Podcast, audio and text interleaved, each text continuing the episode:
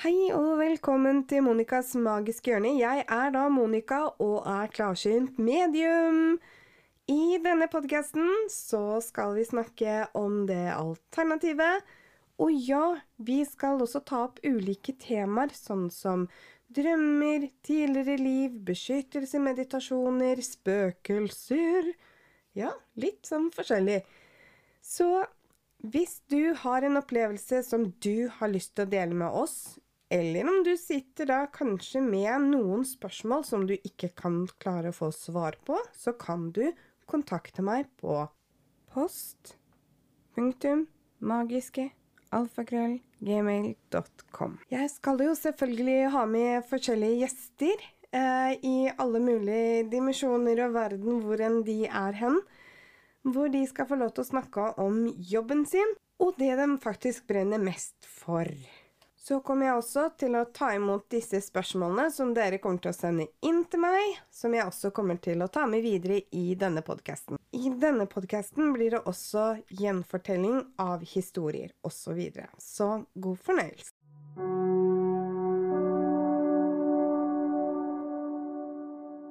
Har du hørt om Støttesenteret for kriminalitetutsatte? Har du vært utsatt for kriminalitet, som f.eks. vold, trusler, utpressing, hating, seksuelle overgrep, mishandling eller krenkelser? Dette kan oppleves som svært alvorlig og personlig belastende. Støttesenteret for kriminalitetsutsatte er der for å hjelpe. Vi kan gi informasjon, veiledning og støtte i en vanskelig fase i livet. Støttesenteret for kriminalitetsutsatte er et offentlig og landsdekkende tilbud. Hva kan støttesenteret hjelpe deg med? Vi gir deg informasjon om rett prosessen og støtter deg som vitne under eventuelt rettssak. Vi kan gi deg veiledning og informasjon om det å anmelde. Vi hjelper deg med å søke voldserstatning fra staten. Vi kan støtte deg gjennom straffeprosessen fra politianmeldelsen til saken er avgjort. Vi er her for deg. Ta kontakt med oss.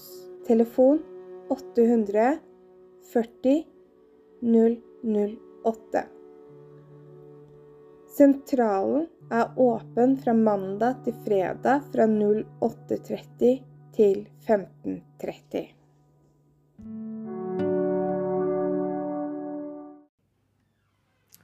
så er det jo sommeren 2020.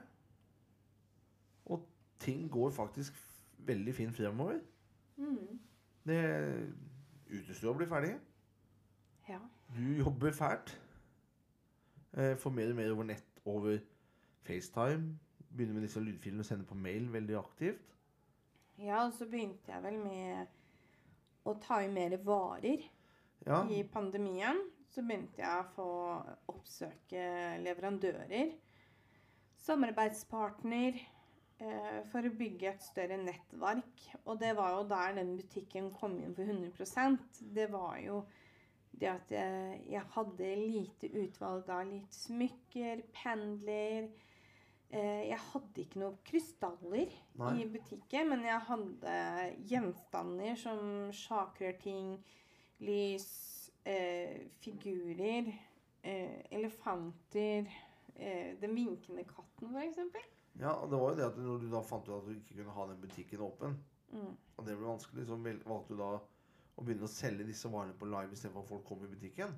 Ja. Og så egentlig da hvor enkelt det var på en måte å vise fram Her, det er dette det jeg sender deg.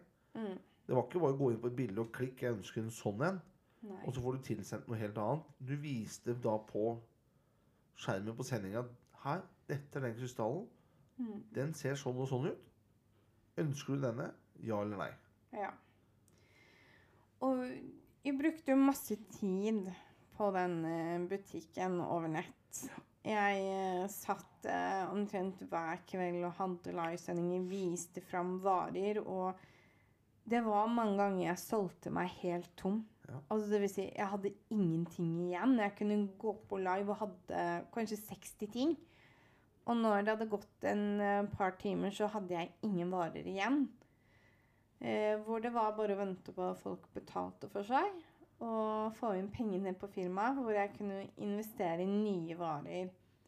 Og da var jo her disse to, den ene store leverandøren min i hvert fall kom inn.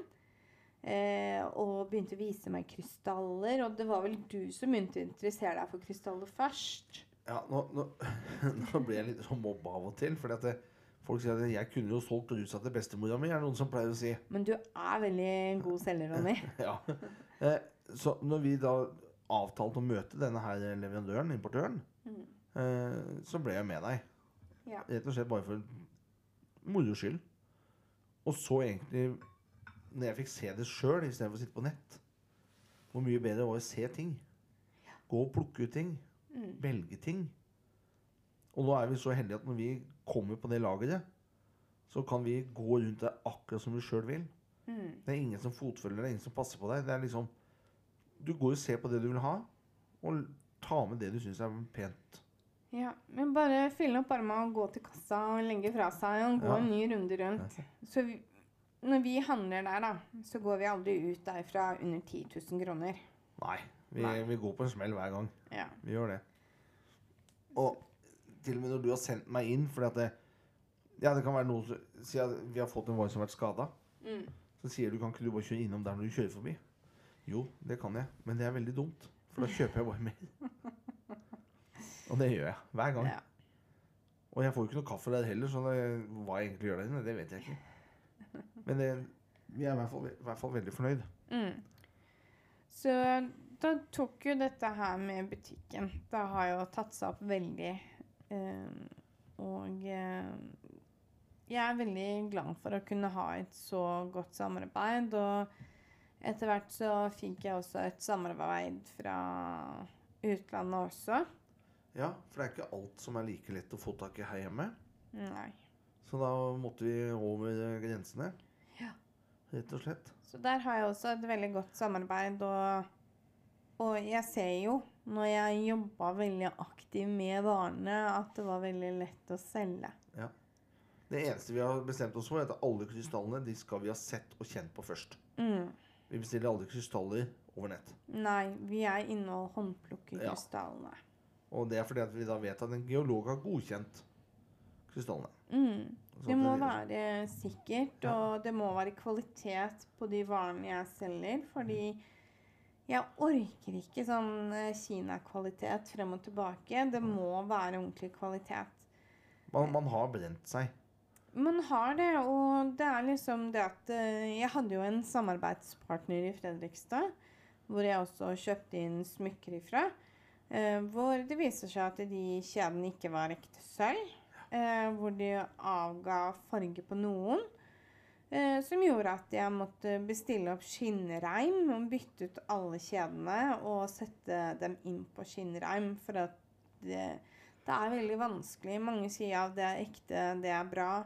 Og så får du varen i tilsendt hjem, og så er det så mykt at det knekker. Det er ikke holdbart. eh, Det er varer som ikke er gode, da. Og da er det veldig greit å se det selv. Mm. Men de som jeg har fra utlandet, de stoler jeg så intenst på. De har levert hver gang. Har det vært lotuser som har vært skada, så har det ikke vært noe problem. Jeg har tatt bilder. Eh, De har sagt OK, behold dem. Kast dem, gjør hva dere vil med dem. Selg dem for billige penger. Eh, Vi sender dere så og så mange nye lotuser. Det kommer an på hvor mange som har blitt ødelagt. Eh, hvor jeg da viser fram skadet varer. I stedet for, jeg syns det er veldig trist å kaste disse lotusene i søpla. Ja, for, for Noen av dem er rett og slett bare sånn så, Du sier Lotus, da. Dette er jo da til Atelus i. Ja. Eh, skjell som du da ser fargen i. Mm. Men noen av dem kan du bare ha en liten sprekk i et av skjellene. Eller være litt bøyd i en tupp. Mm. Og det er nok til at det på en måte ikke er en det man kaller A-kvalitet, eller perfekt kvalitet Lotus. Men lyset og fargen er der fortsatt. Ja, det er bare det at jeg vil ikke ha på meg at jeg selger skadet varer, fordi det slår tilbake på ryktet mitt.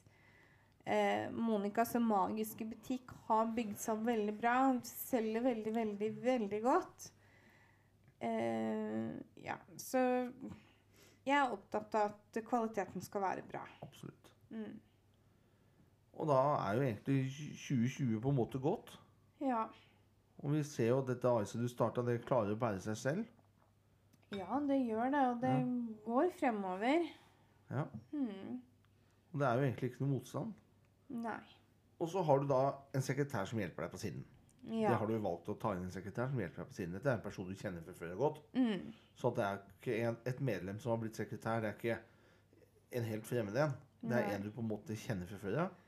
Ja. Og vedkommende ønsket å lære litt mer om pendel, tarot, Mm. følge med. Mm. Og valgte da å være i bakgrunnen når du hadde livesending. Ja. Og sitte og følge med. Hvordan gjør du dette? Kan jeg gjøre dette? Får jeg det til? Er svarene mine det samme? Så hun var jo med på Jeg kan si hun, da, for det er, det er, så, det er som regel jenter som jobber med jenter. Mm. Men der var hun med på en sending. Mm. Og jeg var også med. Og vi hadde pendelsending. Nå er vi da i 2021. Mm. Eh, og vi sitter i vår egen stue. Det er søndag. Ja. Og jeg skal lese litt ut av et brev som vi da får eh, ca. ett år etterpå. Sånn at dere vet hvor langt dette går. Mm. Underretning om tiltalebeslutning. Jeg viser til at du har anmeldt person 1 for hensynsløs atferd og personforfølgelse. Du underrettes med dette om at det er tatt ut tiltale mot personen i saken for hensynsløs atferd. Tiltalebeslutningen ligger vedlagt. Som du sikkert er kjent med, oppholder personen seg imidlertid for tiden i utlandet, og det er derfor utfordrende å få iretteført saken.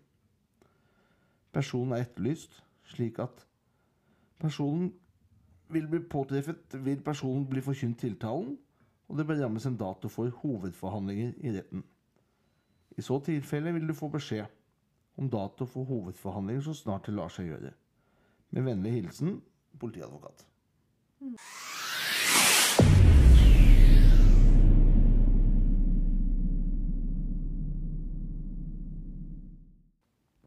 Dette er et brev vi får Uh, Skal vi se Det er eh, ja, halvannet år etter. Ja. For det skjedde noe i mars 2021. Mm. Jeg, jeg skal, den permen sklir, for den er så tung. Jeg skal bare lukke den litt. Så det blir litt støy.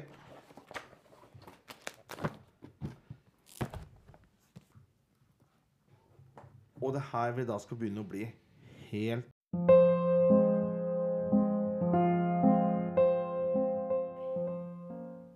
Hva skjedde, Monica? Hadde jo livesending den eh, Søndag 7. mars. mm, Har vi livesending hvor du og jeg sitter foran kamera. Mhm.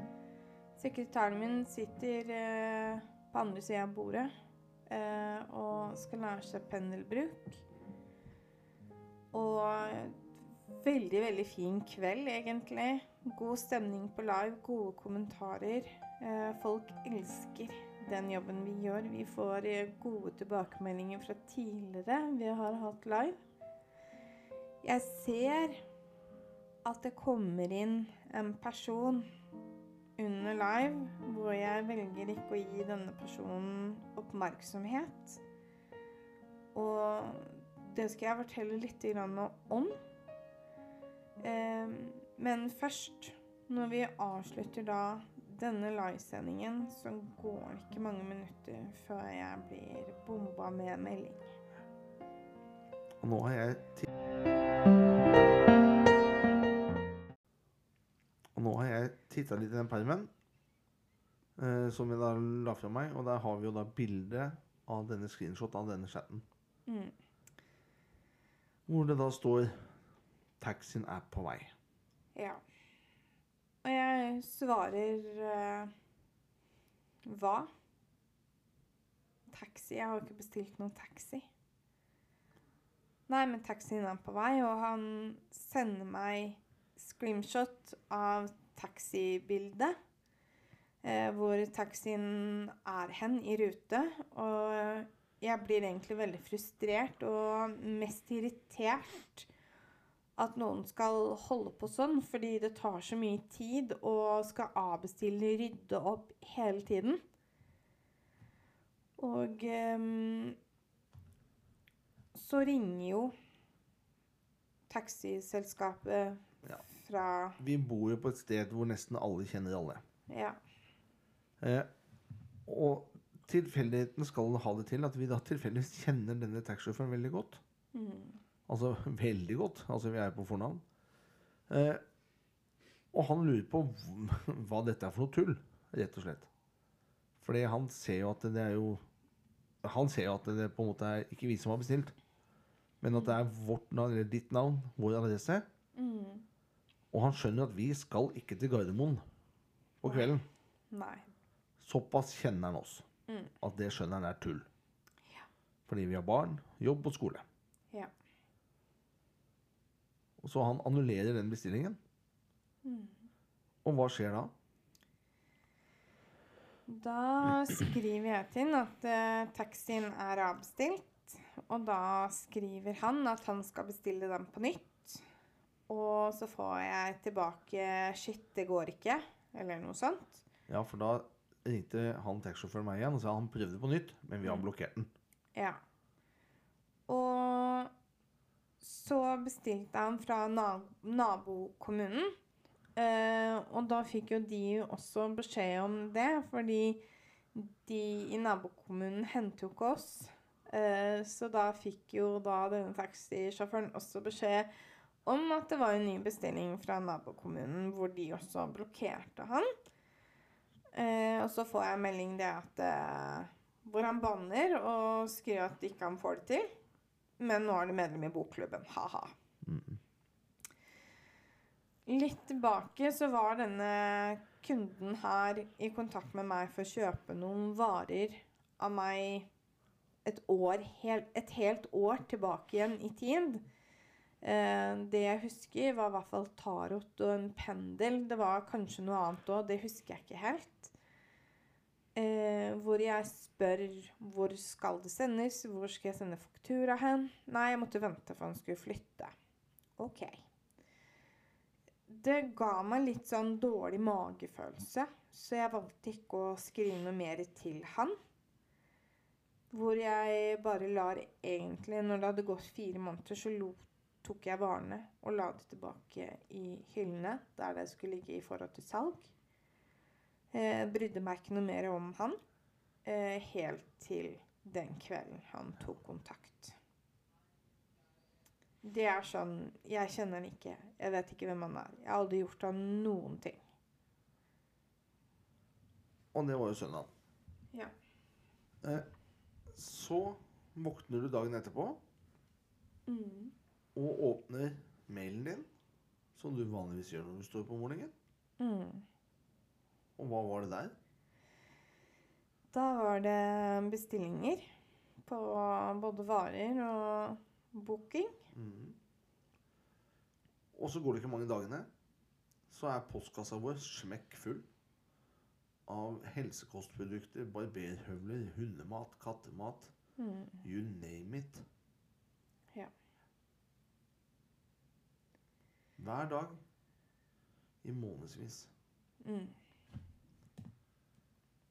Og vi velger jo å anmelde det. Anmelde situasjonen. Det var en uke etter første melding. Mm. Da fikk vi time hos politiet. Ja. Det var fordi at det var så mye bestillinger på mail. Mm. Og telefoner.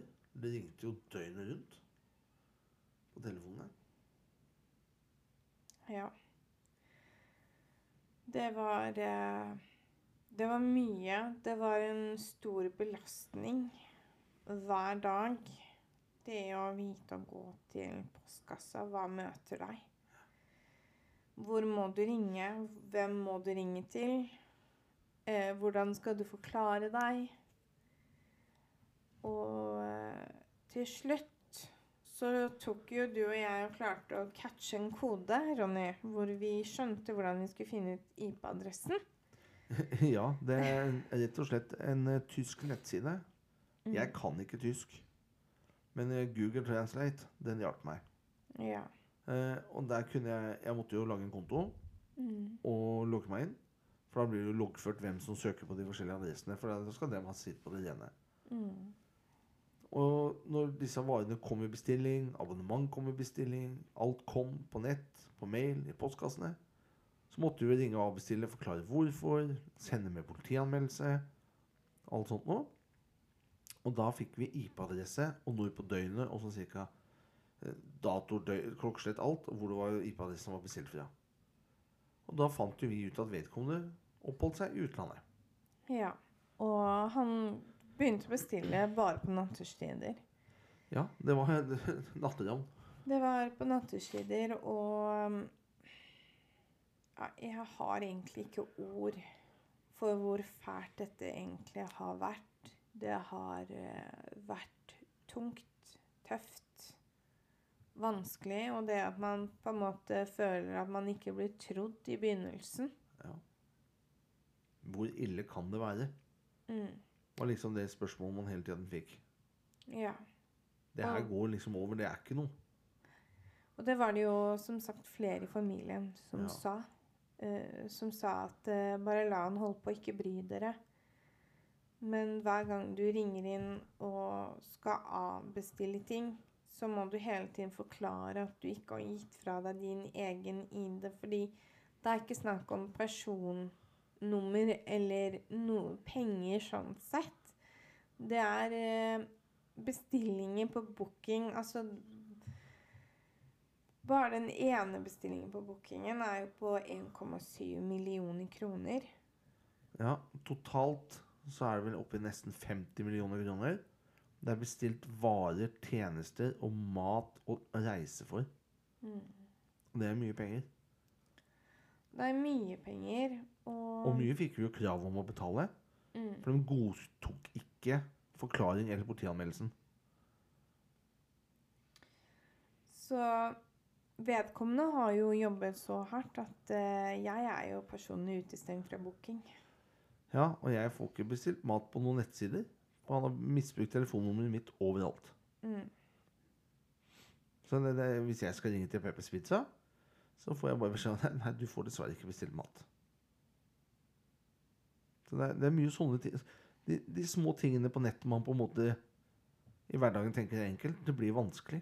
Mm, det blir veldig vanskelig, og man er ikke født med en oppskrift på hvordan man skal forholde seg, eller hvordan man skal takle det her. Og jeg vil jo si at uh, politiet har jo bistått ganske mye bra også, hvor de har eh, sagt at eh, vi skal bruke ordet 'vi bestrir kravet'. Mm. Eh, og det gjør vi dag i dag også. Ja, det kommer fortsatt ting. Mm. Eh, og så er det jo det at det, det kom mye. I begynnelsen ekstremt mye hele tiden.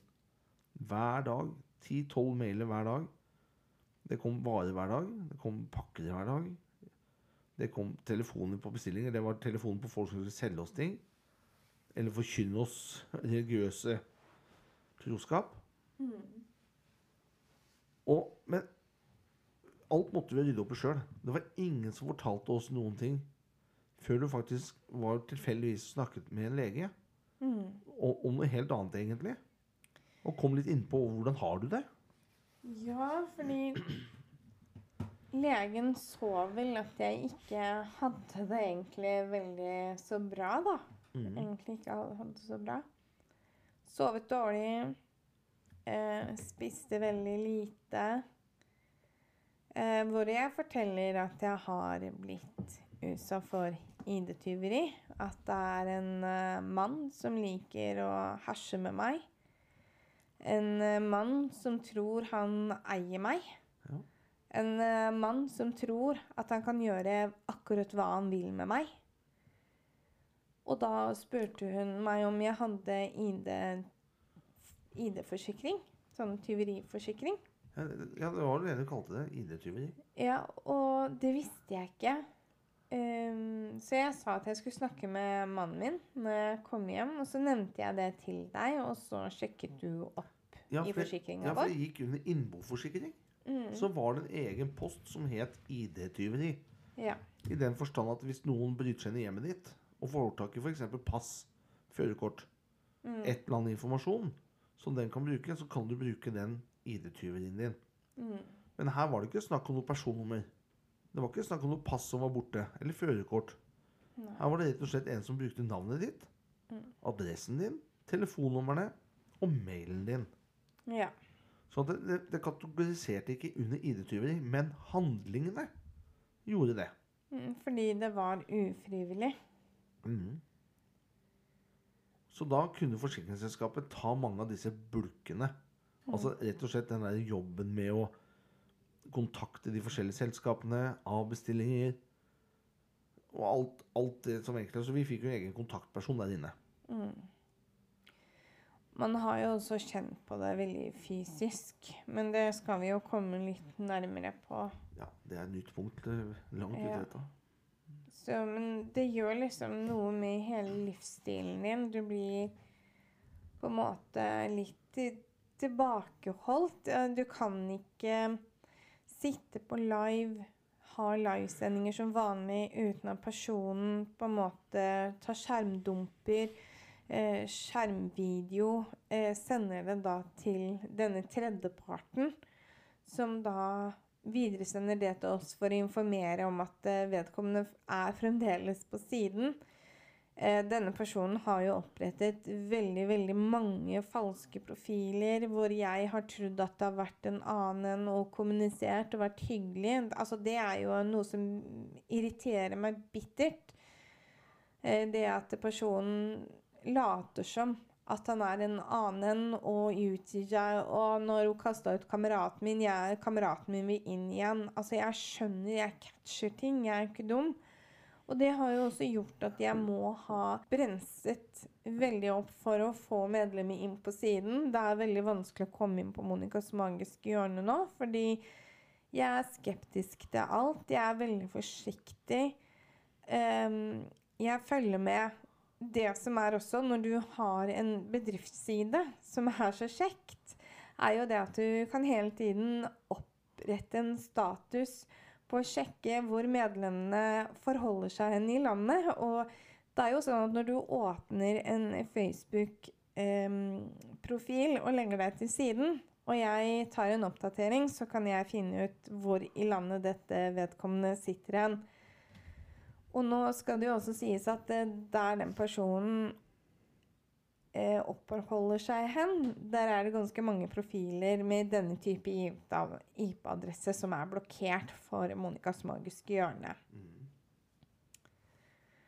Så det er liksom Du går på tå og hev hele tiden. Eh, selv når du ligger og sover, eh, så må du passe på. Vi hadde jo i fjor sommer så hadde vi en opprydning på siden. Hvor eh, sekretæren hjalp til. Vi skrev ut medlemslister og gikk gjennom hvert enkelt ett medlem. For å se om, om det var en falsk profil, om vedkommende faktisk var reell i noen annen sammenheng. Eller om om mange profiler var rett og slett Altså Folk bytter jo profiler hvis de glemmer passordet sitt. og sånne ting Så var mange som var sånne det man kaller død profil. da Så da fikk vi luka ut dem òg. Profiler som er inaktive. Ja, og, og var det gjerne to stykker med samme navn, så kontakta vi dem. Eh, og skrev med personene, og de kom med en god forklaring. Og, og personer som dessverre har eh, forlatt denne verden. Fikk vi også på en måte tatt ut, så ikke det, medlemslistene blir altfor mange. Det blir feil på det. Ja. Så vi hadde sånn ordentlig opprydning, og da fikk vi luka ut mange. Og da så vi at det blant annet det området som vi søkte etter, der ble det færre profiler som var. ja. Fordi vi fant ut mange falske. Mm. Men det er ikke lett. Nei, vi brukte vel en fire dager på det. Ja. Uh, og da hadde jo han allerede klart å lage seg en falsk profil. Og kommet seg inn på siden igjen og meldt seg på arrangement og utgitt seg for å være en dame. Eh, hvor han også hvor, eh, Vi hadde et arrangement med ei, eh, med ei dame. Eh, En hvor- annen eh, medium. en annen medium, ja. Hvor vi hadde videoinnspilling her i stua. Hvor vedkommende da begynte å mobbe deg. Eh, sendte talemeldinger til denne tredjepersonen, som da videresendte det til oss. Som vi da kunne ta med tilbake til politiet. Eh, hvor du da sa at du ikke var interessert i å anmelde saken, men det brydde ikke politiet seg om, for de anmeldte på vegne av deg. Ja, og det gikk også på at telefonnummeret mitt da, var eh, misbrukt så ofte. Ja. Det ringte fra utlandet, og det ringte, og det ble bestillinger på det og sånne ting. Og det hendte jo så at personen ringte på skjult nummer og satt og stønna i den andre enden. Midt på natta. Ja. Flere ganger. Mm. Skikkelig ekkelt. Og da sier, nå sier folk ja, men du kunne jo bare slått av lyden om natta. Ja, når du har eldre besteforeldre, du har familiemedlemmer du vet er sy syke, du ønsker å være tilgjengelig. Da skal det sies det at eh, ja, jeg slår av lyden om natta. Og det er nå halvannen måned siden. Så hadde jeg slått av lyden, som jeg gjør om natta. Og da fikk ikke jeg beskjed om, før det har gått ja, 10-11 timer etterpå, at min mor var død. Det stemmer. Så hadde jeg hatt lyden på, så hadde jeg fått beskjed umiddelbart. Men fordi jeg slår lyden, så fikk jeg dessverre sein beskjed. Så det er liksom, noen ganger så ønsker man å ha på lyden. For man vet aldri. Nei, man gjør ikke det, og det er det som er. Man kan aldri se sånn inn i fremtiden. Så tenker man jo, men du er jo klarsynt. Men uh, man klarer ikke å bruke det på den måten der. Nei, så slår man seg av, da. Det er Ja. jo det å være på det man kaller jobb, eller være aktiv, eller det å rett og slett slå av og være seg selv hjemme. Mm. Og det, det er jeg jo. Jeg er jo skrudd av når jeg er hjemme. Vi gjør det. Vi må være oss. Mm. Men all, all den der, altså det, her ble det masse møter. Det ble politimøter, anmeldelser, det var uh, møter med advokat over telefon, oppmøte med advokat. Som jeg leste her i begynnelsen, så var det da denne tiltalebeslutningen. Ja. Og, og selv med tiltalebeslutning, altså før det ble på en måte satt berammet en dato for en rettssak, og selv med den tiltalebeslutningen levert, så fortsatte ting. Ja. Det hjalp ikke hva politiet gjorde. Nei, altså Vedkommende hersa jo veldig med min mail, og mailen min blei helt ødelagt, rett og slett. Den, Ja. den blei herpa. Ja, altså, livet ditt består av en telefon, en kalender og en mail. Og masse avtaler og ja, Alt du har i livet ditt, går liksom på den telefonen. da. Og så får du beskjed om at det, hvis du ønsker å få dette vekk, så må du fjerne noe. Ja. Så det, noe av det første du fjerna, var jo Snapchat. ja, jeg måtte jo slette Snapchaten min fordi eh, det begynte å komme inn eh, falske profiler. Og stygge bilder. stygge bilder som gjorde at jeg måtte slette noe som jeg ønsket definitivt ikke å gjøre pga. familien min. Følge barna mine, eh, søsknene mine, tantebarna mine, besteforeldre, mamma, venner. Altså, jeg blei så eh, avsosialt når man ikke har Snapchat, for det er liksom Snapchat er en endepunkt i familien er liksom lille, lillefinger mot lillefinger. Eh, når det er store avstander fra der du bor til neste. Så i samråd med politiet så avslutta jeg da Snapchaten min, som gjorde at eh, jeg fikk ikke fulgt med på hva familien min dreiv med, eh, eller mine tantebarn. Få lov til å se dem vokse opp, eller noen ting. Det var Ja, det, det, det Og gjorde følge familien i hverdagen, da. Ble Ja. borte. Ja, gjorde det. Ikke fikk jeg fulgt med på deg når du var på jobb.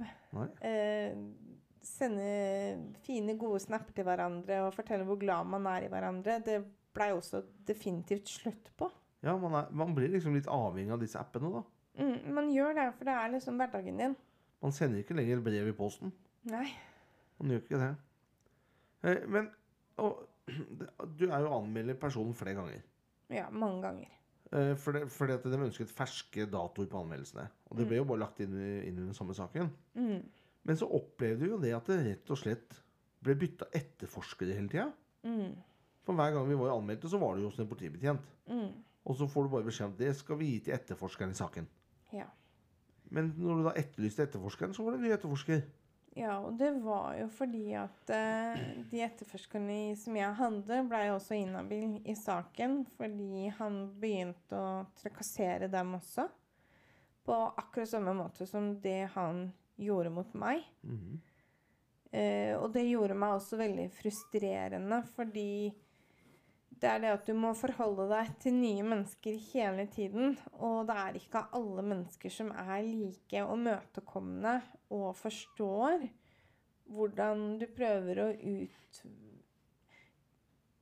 Fortelle om frustrasjonen din, da. Det, er ikke alle som klarer å ta den inn over seg og sette seg i din situasjon. Ehm, så det har jo vært veldig, veldig frustrerende på den reisen.